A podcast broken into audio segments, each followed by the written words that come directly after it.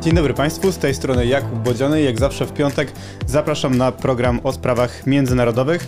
Możecie nas oglądać na YouTubie, a później słuchać na Waszej ulubionej platformie podcastowej. Jeśli lubicie to, co robimy, to możecie nas tam wesprzeć, czy to dobrym słowem, komentarzem, lajkiem, recenzją, ale też finansowo, bo ten i inne programy kultury liberalnej ukazują się tylko dzięki Waszemu wsparciu. A dziś moim gościem jest profesor Krzysztof Kozłowski ze Szkoły Głównej Handlowej, znakomity ekspert m.in. od tematyki Azji Wschodniej, w tym od Chin. Dzień dobry Państwu, dzień dobry. Bardzo się cieszę, że mamy dzisiaj okazję porozmawiać i będziemy rozmawiać o jednym z najważniejszych wydarzeń politycznych w Chinach, a mianowicie o 20. zjeździe komunistycznej partii Chin. Te siedmiodniowe obrady kończą się już w sumie niedługo i większość tych decyzji, które tam zapadną, poznamy po ich zakończeniu, a może nawet kilka miesięcy później, jeśli chodzi mm. o mhm.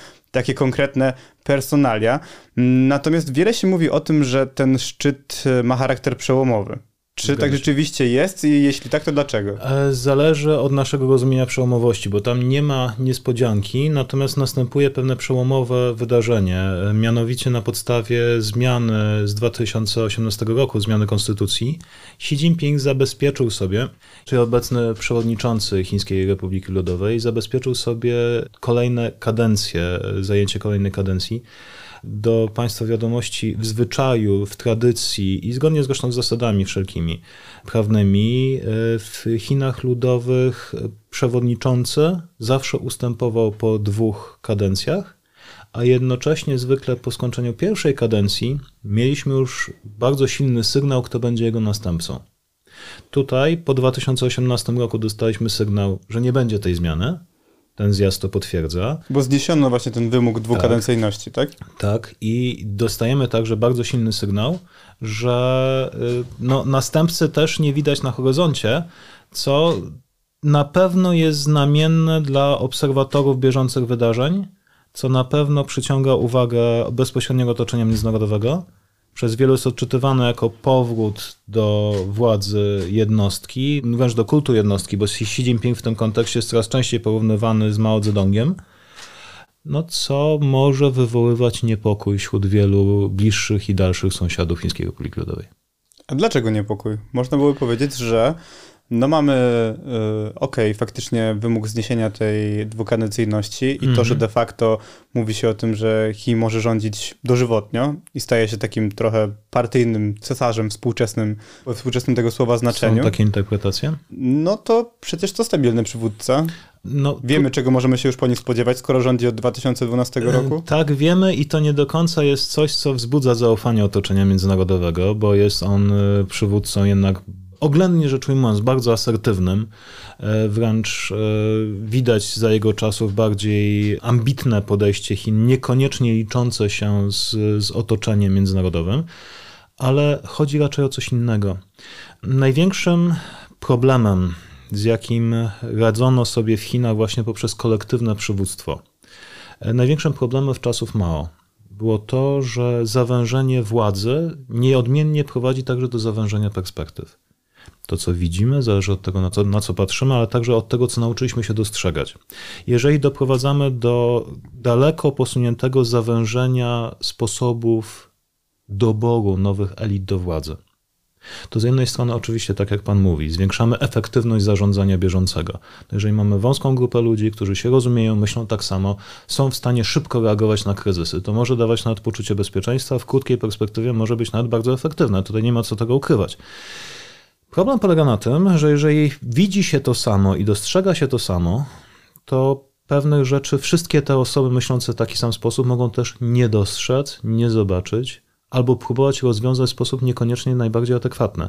To jest troszeczkę tak, jakbyśmy lubili używać młotka, niezależnie od tego, czy problemem jest gwóźdź czy śrubka. Mhm. No, w momencie, kiedy jeśli, nie ma... Jeśli nie ma innego narzędzia, to potem wszystko wygląda tak samo, tak, tak? to wszystko zaczyna wyglądać jak gwóźdź, tylko problem polega na tym, że to nie mówimy o wbijaniu gwoździa w ścianę, tylko o polityce jednego z najważniejszych państw w skali międzynarodowej. I to na pewno wywołuje zaniepokojenie, bo jednak e, nie chodzi tylko o jakiegoś rodzaju, odkładając nawet na bok konkurencję między Stanami Zjednoczonymi a Chinami, odkładając nawet na bok lokalne konflikty czy spory na Morzu Południowochińskim, Wschodniochińskim, e, odkładając na bok konkurencję z, między Indiami a Chinami. Przede wszystkim to, co może niepokoić, to potencjalne zwiększenie prawdopodobieństwa nieobliczalnych zachowań, którymi jednak wielu, wiele osób kojarzy Chiny z czasów Mao Tse-tunga. Ja wiem, że to są dla dzisiejszych pokoleń czasy zamierzchłe, natomiast dyplomaci czy specjaliści od stosunków międzynarodowych, czy ci, którzy polityką międzynarodową się zajmują, no, są tego świadomi. Mhm. Zawężenie przywództwa, zawężenie sposobów rekrutacji przywódców w Chinach na pewno w dłuższej perspektywie może być niepokojące. To jest troszeczkę tak jak zestawienie demokracji z państwami autorytarnymi. Z perspektywy państw autorytarnych demokracje najczęściej się krytykuje za to, że widać wszystkie brudy, które w demokracji się dzieją. Tak? No pół żartem, pół serio. Możemy powiedzieć, że nawet w Wielkiej Brytanii główka kapusty jest w stanie przeżyć e, brytyjską panią premier. Tak? Tylko tak, spójrzmy no w na to przypadku tak, Chin to musiały być bardzo specyficzna no, to kapusta. musiały być bardzo specyficzna. Natomiast spójrzmy na to z drugiej strony. Widzimy, jakie są wyzwania, widzimy, jakie są problemy. Oczywiście widzimy także, że czasami nie ma na nich bezpośrednich rozwiązań, czy ci, którzy sprawują władzę, nie mają na nich rozwiązań, ale to widzimy, to jest transparentne. W przypadku chińskim te obrady, o których mówimy, chociażby, przecież one się, one się odbywają w sposób tajny, dobór kandydatów. Czy, czy, tam są jakieś właśnie przecieki, czy, my, czy są jakieś media? Bo... E, to zapomnijmy o zachodnich standardach e, raportowania. To nie jest tak, że wychodzi codziennie na przykład jakiś rzecznik albo jakiś SMS, prawda, dziennikarzy, ujawnienie to tak informacji? To tak absolutnie nie działa. O wiele, więcej, o wiele więcej wniosków wyciąga się na podstawie tego, kto zostaje delegatem na zjazd, kto z kim się ewentualnie spotyka, tak dalej, to bardziej analiza takich Ale to jest wydarzeń... taka trochę kremlinologia? Znaczy, Właśnie do tego zmierzam. Tak Sowietologia. Bardziej Aha. takie sowietologiczne podejście tutaj dominuje w analizach bieżących wydarzeń, takie jakie, z jakim mogliśmy się spotykać w czasach, kiedy Amerykanie uczyli się, jak czytać zmiany w Związku Radzieckim, na, na szczytach władzy w Związku Radzieckim. Tutaj tego typu odczytania raczej będą dominujące. E, kluczowe jest pierwsza przemowa e, przewodniczącego, wskazująca kierunki i podsumowanie, które będzie wiązało się, tak jak sam pan zresztą powiedział, z konkretnymi nominacjami, które wskazują kierunek, e, kierunek partii, a tym samym jako organizacji przenikającej całe państwo chińskie, kierunek ewolucji tego państwa. Tutaj zaskoczeń nie będzie. No poza tym faktem, że rzeczywiście ewidentnie pomysłem na rozwiązywanie problemów Chińskiej Republiki Ludowej jest pójście jeszcze głębiej w zawężenie koła decyzyjnego i utrwalenie tych metod sprawowania władzy, które reprezentują sobą Xi. To może być niepokojące. Tego podsumowania oczywiście jeszcze nie znamy, ale ta pierwsza właśnie wprowadzająca mowa mhm. przewodniczącego Xi jest znana.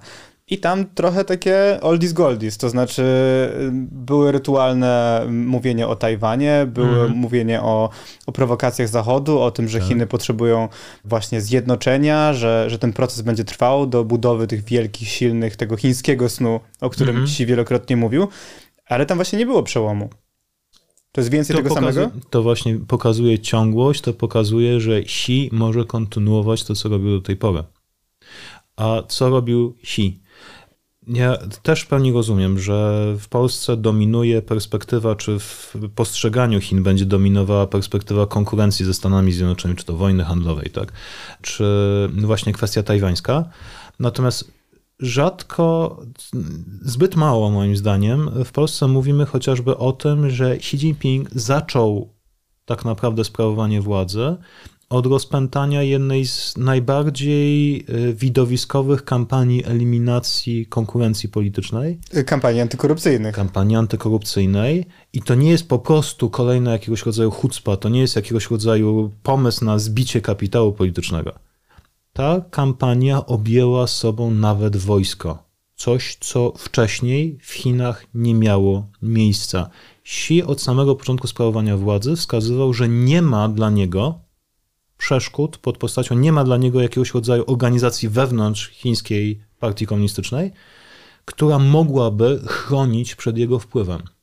I konsekwencje tej kampanii antykorupcyjnej sięgały bardzo daleko. Od części, która się wylała w Panama Papers, gdzie mieliśmy Bosila i jakiegoś rodzaju pozbywanie się, zczyszczanie, nazwijmy to, chińskich oligarchów, którzy mogli konkurować Xi Jinpingiem, I to przez- takich z najwyższego poziomu najwyższego w ogóle. szczebla, to, to nie jest takie, że to była, się. bo tam była em, mowa o muchach i tygrysach, prawda? Tak. Czyli, że jakby zarówno ci najniżsi oficjele w rodzaju takich władz zupełnie lokalnych, Nie jak i ci ze szczytu władzy. Tak, i, i to mówiliśmy, mówimy tutaj także o bezpośrednich konkurentach Xi, ludziach, których widziano jako ewentualnie konkurencję dla niego, ale także w kręgach wojskowych, co było absolutnie bezprecedensowe. Przy czym oczywiście takie kampanie gwałtownej mobilizacji w Chinach, one mają miejsce okresowo. I to była do tej pory metoda tak naprawdę troszeczkę sanacji państwa, troszeczkę uaktualniania jego celów, Bo też problem z korupcją był ogromny. ogromny, ale ja tutaj mówię o czymś szerszym. Mianowicie chińska partia komunistyczna nie ma aż tak absolutnej kontroli z perspektywy centralnej, jak często jej przypisujemy.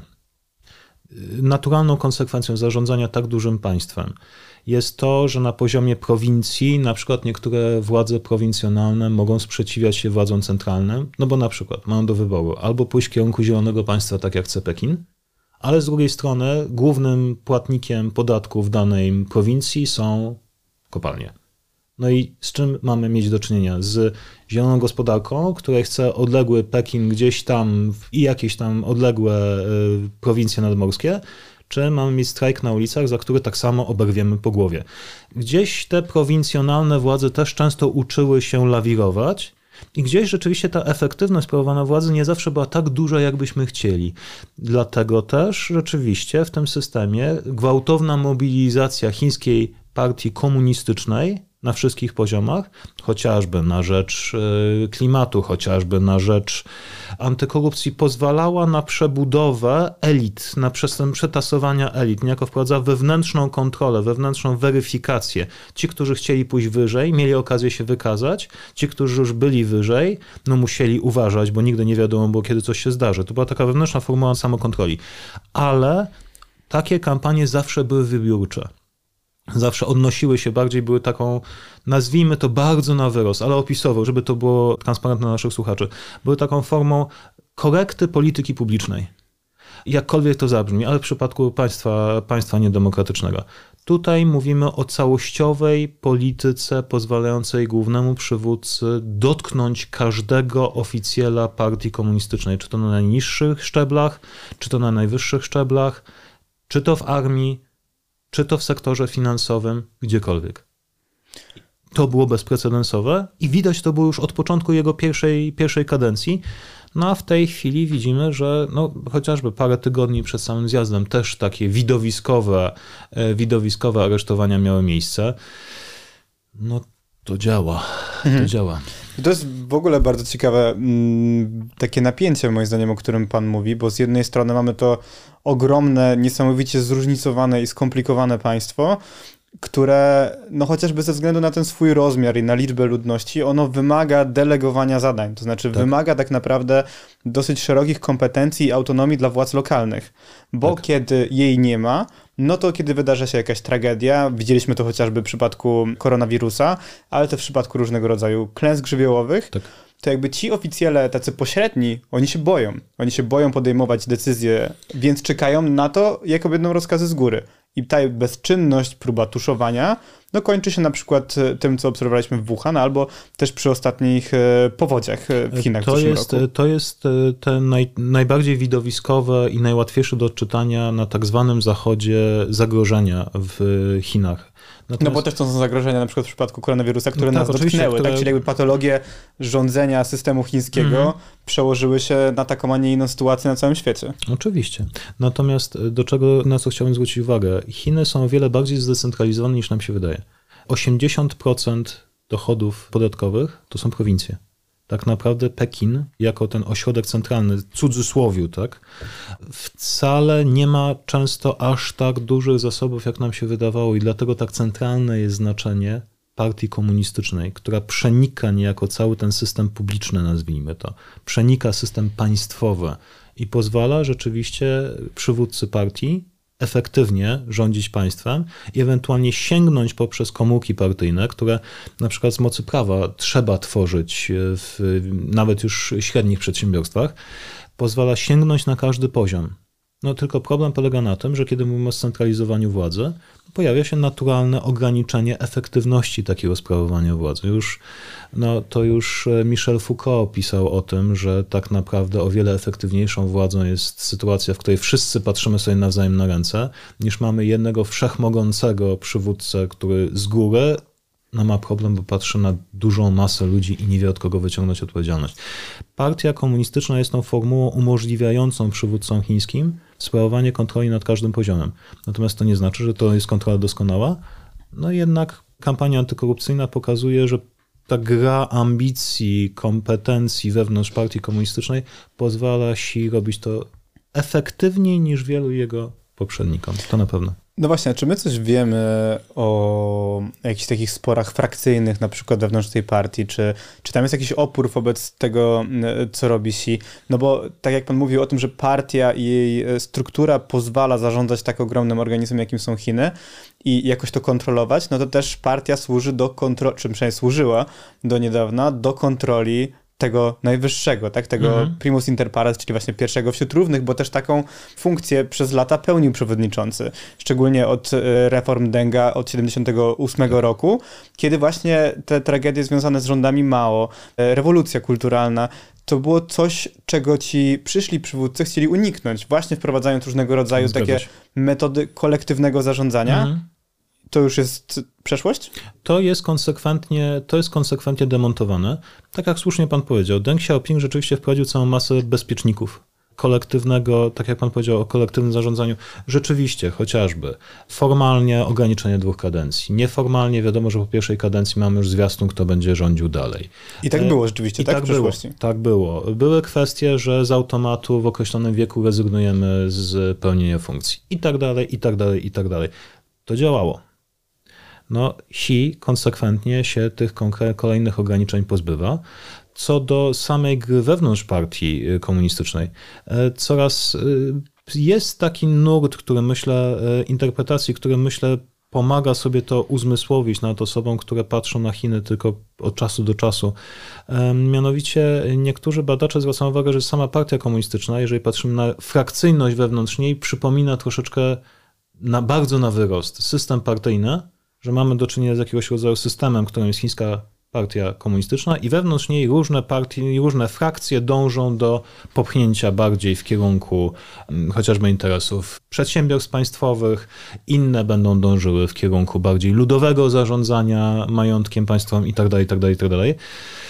A no patrząc na opór, czy patrząc na łatwość, czy brak wewnętrznych dyskusji i kontrolę nad tymi dyskusjami, Patrząc na skład delegatów, no można powiedzieć, że Xi tutaj ma zdecydowanie e, wszystko poukładane tak, jak sobie życzył. Przy pierwszym zjeździe, na którym on, od którego zaczyna się jego pierwsza kadencja, no, były widowiskowe procesy polityczne jego konkurencji. Przy drugim były widowiskowe procesy polityczne osób, które były nie po jego linii. W tej chwili, owszem, mieliśmy falę aresztowań parę tygodni temu, ale on już nie musi podkreślać, że sprawuje władzę. W Chinach już widać, że on jest tym, do którego trzeba się ustawić, on jest tym wiatrem, do którego trzeba ustawiać żagiem. Mhm. I z tym raczej już dyskusji nie ma. To... Oczywiście to nie znaczy, że niektórzy nie próbują, ale jest to już tak podskórna gra, że bez wejścia bardzo głębokie uwarunkowania wewnętrzne jest to już właściwie nie do odczytania. Właśnie ta jego siła wynika też e, ze wzrostu znaczenia ideologii jako takiej. To znaczy, ja szczerze mówiąc myślałem wcześniej, że w ogóle ideologia już w polityce na tej, takim wyższym stopniu nie odgrywa tak dużego znaczenia. Znaczy, nawet jeśli to jest bardziej taka cyniczno-pragmatyczna. Znaczy, oczywiście trzeba, tutaj nawiązując do tego, że jakby ideologia musi być, jest potrzebna, mhm. a nie, nie jakby ciepłe wody w kranie, bo to też prędzej czy później ujawniają się limity takiego myślenia. Natomiast wydaje mi się, że ona służy jako narzędzie. A wydaje mi się, że w przypadku Xi tak nie jest. To znaczy on rzeczywiście wydaje się takim przywódcą ideologicznie radykalnym, i właśnie odchodzącym od tego pragmatyzmu mówiło się o tym pokojowym wzroście, o tym stopniowym rozwoju, stopniowym otwieraniu się na świat, mm, nieagresywnej polityce granicznej, tak żeby tak naprawdę nie zwracać na siebie specjalnej uwagi, a w międzyczasie rosnąć, rosnąć i rosnąć. Tutaj tego nie mamy i wracam do tego, o czym mówiliśmy na początku, no, czy tych porównań pomiędzy Mao a Xi, czy one rzeczywiście mają sens, bo ja wiem, że to są kuszące analogie, tak samo jak teraz mówi się o tej um, wojnie, o tym sporze Stanów Zjednoczonych z Chinami jako o nowej zimnej wojnie. Wiem, że pan jest przeciwko temu, temu stwierdzeniu, o czym zresztą pan mówił w kulturze liberalnej i tutaj zalinkujemy wywiad e, właśnie do tego numeru. Natomiast e, ta rola ideologii obecnie jest ogromna. No, mamy takie porównania, mieliśmy tę słynną czerwoną książeczkę Mao, mamy tą książeczkę e, Xi z myślami, zresztą ona była sprzedawana nawet w e, kioskach ruchu, z tego co wiem, czy, czy w salonach tutaj prasowych, także była jeśli państwo chcą, to mogą się była zapoznać. Była promowana przy jego wizycie, nawet w pewnych momentach przez ambasadę, e, ambasadę chińską. Tak, powiedziałbym inaczej, mhm. powiedziałbym inaczej może. Tutaj się pojawiają dwie kwestie. Po pierwsze, co my wiemy o Xi, i po drugie, jak my się uczymy o Chinach. I może zacznijmy od tego drugiego. Generalnie świat o Chinach uczy się z poślizgiem. Kiedy Deng Xiaoping dochodził do władzy, mało kto zauważał, co się w Chinach dzieje. Mało kto doceniał tą zmianę. Tak naprawdę o konsekwencjach zmian wprowadzonych przez Deng Xiaopinga świat przekonał się pod koniec lat 80 kiedy już w Chinach zaczynało się gotować i już było widać zbierającą falę, której koniec zobaczyliśmy na placu Tiananmen. Ta jego polityka, y, nieważne jaki jest kod, ważne, żeby łowił myszy. Przechodząc przez rzekę, uważnie stąpaj po kamieniach i tak dalej, i tak dalej, i tak dalej. To wszystko, co pobrzmiewa też w pańskich porównaniach, tak? To jest zeszły wiek. To już jest dawno temu w Chinach, już od tego się zaczęło odchodzić. W momencie, kiedy świat zobaczył, co się dzieje w komunach ludowych w Chinach, tej liberalizacji na rolnictwa, tego, że Chińczycy mogą zacząć zarabiać i jak to zdynamizowało ten obszar, to mało kto zauważał, że w latach 90. rozwój Chin został przesunięty na miasta. Tam, gdzie można to wiele lepiej kontrolować, tam, gdzie system finansowy jest o wiele ściślejszą kontrolą władz centralnych. Wtedy pojawił się ten cały kapitalizm, nazwijmy to menedżerski spod, chińskiej, spod chińskiego znaku. Tak? Ten cały czerwony kapitalizm polegający na napędzaniu y, przedsiębiorstw państwowych, które były postrzegane jako wehikuły rozwoju w momencie, kiedy Chiny znalazły się pod ogromną presją błyskawicznego rozwoju. Jak to zauważono, że w Chinach da się zarobić, da się tam robić ogromne pieniądze, jest tam ogromny potencjał, raptem okazało się, że te Chiny to już są też inne Chiny, Chiny Hu Jintao i tak dalej, to już Wen Jiabao to już były inne Chiny, które już zaczynały mieć pewnego rodzaju, spotykać się z pewnego rodzaju kryzysami wewnętrznymi. Myśmy tego też nie widzieli ponieważ w 2008 roku wszyscy Chiny postrzegali jako ratunek w czasie kryzysu finansowego, jako państwo, które z jednej strony organizuje widowiskową olimpiadę, z drugiej strony dzięki, dzięki całemu impulsowi stymulującemu ratuje resztę świata przy zapaści gospodarczej. Ale nikt nie zauważył, albo przynajmniej bardzo mało osób zwracało uwagę, że ten pakiet stymulacyjny to tak naprawdę wepchnięcie Chin w przeinwestowanie w rynek nieruchomości, wepchnięcie Chin w zależność od ciężkiego przemysłu i zależność od przemysłu energochłonnego. W tej chwili zauważamy, że Chiny mają problem z miastami bez mieszkańców. W tej chwili zauważamy, że Chiny mają problem z korupcją. To już też było widać, te sygnały były 10 lat temu. Te okresy zaczynają się powoli skracać. O Chinach uczymy się coraz szybciej ale wciąż o wiele częściej mówimy o tym, jakie Chiny były, a nie o tym, jakie Chiny są w tej chwili. I to nam pozwala teraz przejść do Xi. E, historia się nie powtarza, historia się rymuje. Będzie bardzo ciężko porównać Chiny e, wyniszczone II wojną światową, którymi przewodził Mao, z Chinami, które są tak blisko, tak głęboko wrośnięte w globalizację, jakimi teraz ma do czynienia Xi. E, Chiny Mao to było państwo tak gigantycznie zacofane, że wystarczyło w nim uwolnić najdrobniejsze uwolnienie tego, tej dynamiki wewnętrznej powodowało gwałtowny wzrost. Natychmiast. Chiny Xi to są Chiny, to jest pierwsze mocarstwo, które powstało dzięki globalizacji. Tak naprawdę. To jest twór oparty na globalizacji, ponieważ Chiny, te, które my w tej chwili znamy, mogły paradoksalnie dzięki zaangażowaniu, jakkolwiek to teraz politycznie zabrzmi, Stanów Zjednoczonych w układanie ładu międzynarodowego zbrojnie, militarnie, mogły skupić się na rozwoju gospodarczym. No tak, to jest I... coś, co Amerykanie sobie wyrzucają. Tak, teraz, teraz sobie to wyrzucają. I bądźmy szczerzy, w tej chwili te Chiny się reorganizują, organizują się na samodzielność. No i powstaje pytanie, czy Xi Jinping myśli w kategoriach tego jako, jako książątko, jako, czyli w slangu, slangu opisującym chińskich przywódców, jako jako dziecko kogoś, kto był wysoko w czasach Mao, nie mógł wejść do polityki w czasach Deng Xiaopinga, bo jeszcze był za młody, a w tej chwili sprawuje władzę, mając sentyment do czasów Mao i do tego, w czym go wychowano, ale jednocześnie postrzegając ten okres Deng Xiaopinga, Wen Jiabao, Hu Jintao jako okres wyzwań i zderzając się głównie z problemami, które te 30 lat wygenerowały. Jego odpowiedzią jest, tak jak pan powiedział, ideologizacja. Okej, okay. natomiast bądźmy też szczerzy, w momentach zmiany ideologia jest o wiele ważniejsza niż myślenie pragmatyczne. On właśnie te Chiny pcha albo jest znakiem przejścia Chin na chociażby ten podwójny obieg wewnętrzny i tak dalej, o którym często mowa. Czyli to powiedzmy coś więcej o tym. E, chodzi przede wszystkim o to, że Chiny chcą stworzyć wystarczająco silny rynek wewnętrzny, żeby być niezależne od wstrząsów międzynarodowych, gospodarczych wstrząsów międzynarodowych. No tak, bo wcześniej mieliśmy tą gospodarkę opartą na eksporcie, na tanim eksporcie, no i teraz była ta zmiana modelu gospodarczego, rozumiem właśnie na to, żeby Chiny były, to też się wiąże z tym, żeby Chiny były samowystarczalne w jak największej mhm. ilości dziedzin. Przy czym to nie jest taka, takie proste przejście na autarkię, Tutaj chodzi raczej o to, że chodzi o ustawienie w odpowiednich proporcjach problemów demograficznych. To państwo zaraz liczbowo będzie się, zacznie się kurczyć. Wewnętrznych wyzwań, które potencjalnie, jeżeli będą za bardzo wyeksponowane na wstrząsy, chociażby na rynkach zachodnich, mogą jeszcze być trudniejsze do kontrolowania. No i zdecydowanej preferencji dla centralnych metod sprawowania kontroli nad gospodarką. Ale pamiętajmy przy tym wszystkim o jednym, o tym niesamowitym wewnętrznym zróżnicowaniu Chin. Jedna prowincja drugiej nierówna. Prowincje nadbrzeżne e, są zdecydowanie lepiej rozwinięte niż prowincje interioru, które je gonią. Regiony autonomiczne to są potężne wyzwania, także etniczne często, regionalne. I jak do tego dodamy jeszcze chociażby, że Guangdong, czy bardziej z europejska Kanton, Gdyby go tak na przykład wyjąć z Chin jako niepodległe państwo, byłby prawdopodobnie w pierwszej dziesiątce najbardziej rozwiniętych gospodarek świata i chociażby swoją historią sukcesu może konkurować w nadawaniu tonu innym prowincjom.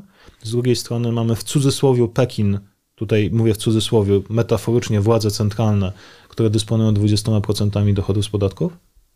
No to dynamika wewnętrzna w tym państwie też na pewno wywołuje ból głowy. No i kłopot w tym, że Xi Jinping, żeby zapobiec temu marazmowi i trzeba przyznać rosnącej korupcji, rosnącemu rozprężeniu wewnętrznemu, które miało miejsce za swoich poprzedników, no oferuje zawężenie doboru elit. No tylko tutaj właśnie dotykamy tego problemu, czy przypadkiem nie będzie za dużej tendencji, żeby wszystko rozwiązywać młotkiem, bo akurat młotka lubimy używać. No tak, bo no znowu jest tutaj to napięcie pomiędzy tym, że łatwiej się zarządza w ten sposób, znaczy inaczej łatwiej się podejmuje decyzje, mm -hmm. ale pytanie, czy łatwiej rzeczywiście się rządzi państwem, czy te decyzje będą wdrażane. Mm -hmm. I też e, to, że skoro partia czy jej przewodniczący jest nieomylna jako taka i nie ma tam właśnie tej dyskusji, tego co mówiliśmy w przypadku brytyjskim, tak, że możemy się pośmiać z list mm -hmm. ale widzimy tam, jak sytuacja wygląda. A w przypadku... Tutaj jedna uwaga, mhm. tutaj jedna uwaga. Y bo to też musi wybrzmieć. W Chinach jest tradycja dyskusji. Jest rzeczywiście tradycja administracyjnie, administracyjna tradycja weryfikowania decyzji, dyskusji. Tylko problem polega na tym, że ci, którzy ją uprawiają, jeżeli są sformatowani tak silnie przez ideologię Xi, mogą nie mieć e, umiejętności zauważania wyzwań tych samych wyzwań głupowo. Bo rzeczywiście trzeba podkreślić, że sukces chiński w dużej mierze opierał się przez wiele lat, przez te 30 lat, na eksperymentowaniu, na w miarę otwartej głowie urzędników państwowych również i biznesmenów lokalnych również. Tego nie można mhm. zarzucić, tego się natychmiast nie weźmie, nie wyrzuci poza nawias. Tego się nie zlikwiduje. Problem polega Też na tym. swoboda się ogranicza.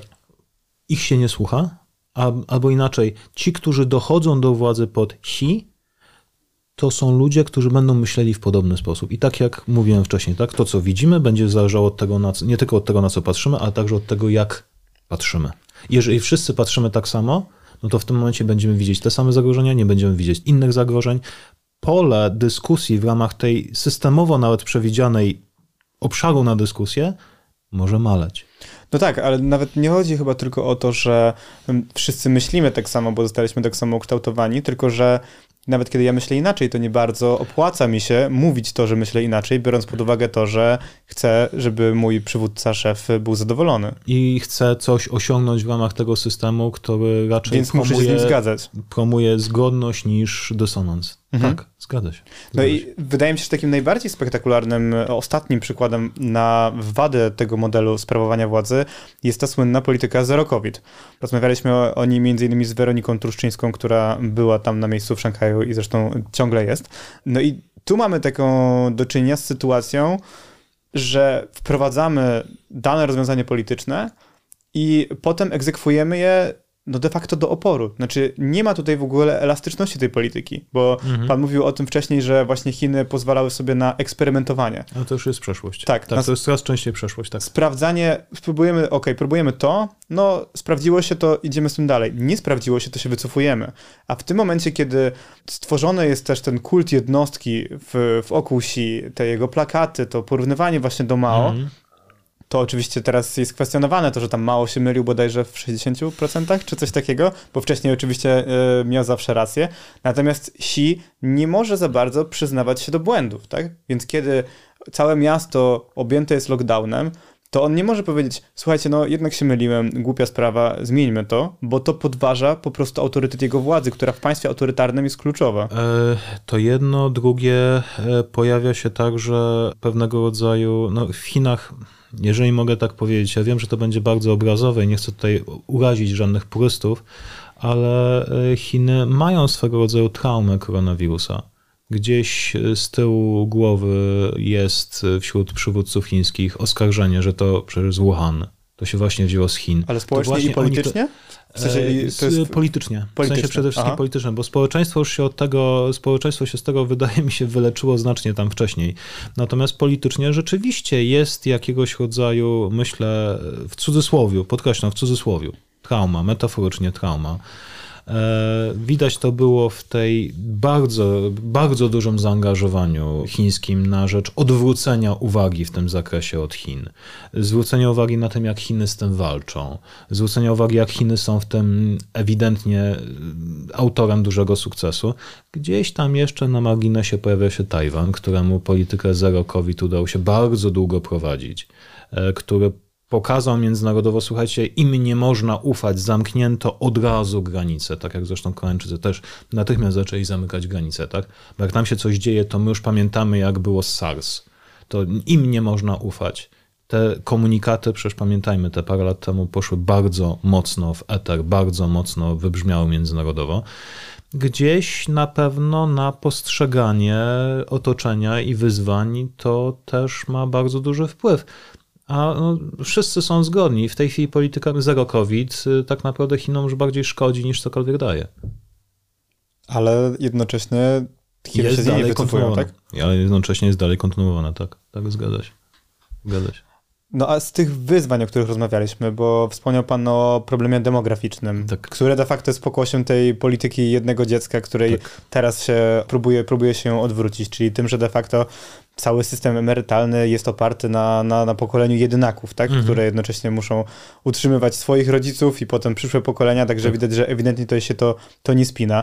Mamy problemy gospodarcze, mamy ogromny problem z e, wyhamowywaniem właśnie wzrostu gospodarczego, co było kluczową też taką elementem umowy społecznej pomiędzy partią, a wydaje mi się społeczeństwem, czyli... To już było zdemontowane troszeczkę wcześniej. Ta mhm. nowa chińska norma, czyli wzrost e, w średnich poziomach poziomach, w średnich sferach w porównaniu z tym, co z dwucyfrowymi, e, dwucyfrowymi liczbami, które widzieliśmy wcześniej, to Xi już zaczął przemycać znacznie wcześniej. To już było widać przy poprzednim zjeździe, że słuchajcie, przyzwyczajmy Wyhamowujemy trochę. Wyhamowujemy, ale jest to pod kontrolą, nie martwcie się, my mamy kontrolę nad tym, co się dzieje. Mhm. No potem rąbnął w nich COVID. Potem zderzenie z Amerykanami na pewno spowodowało bardzo duże napięcie wewnętrzne.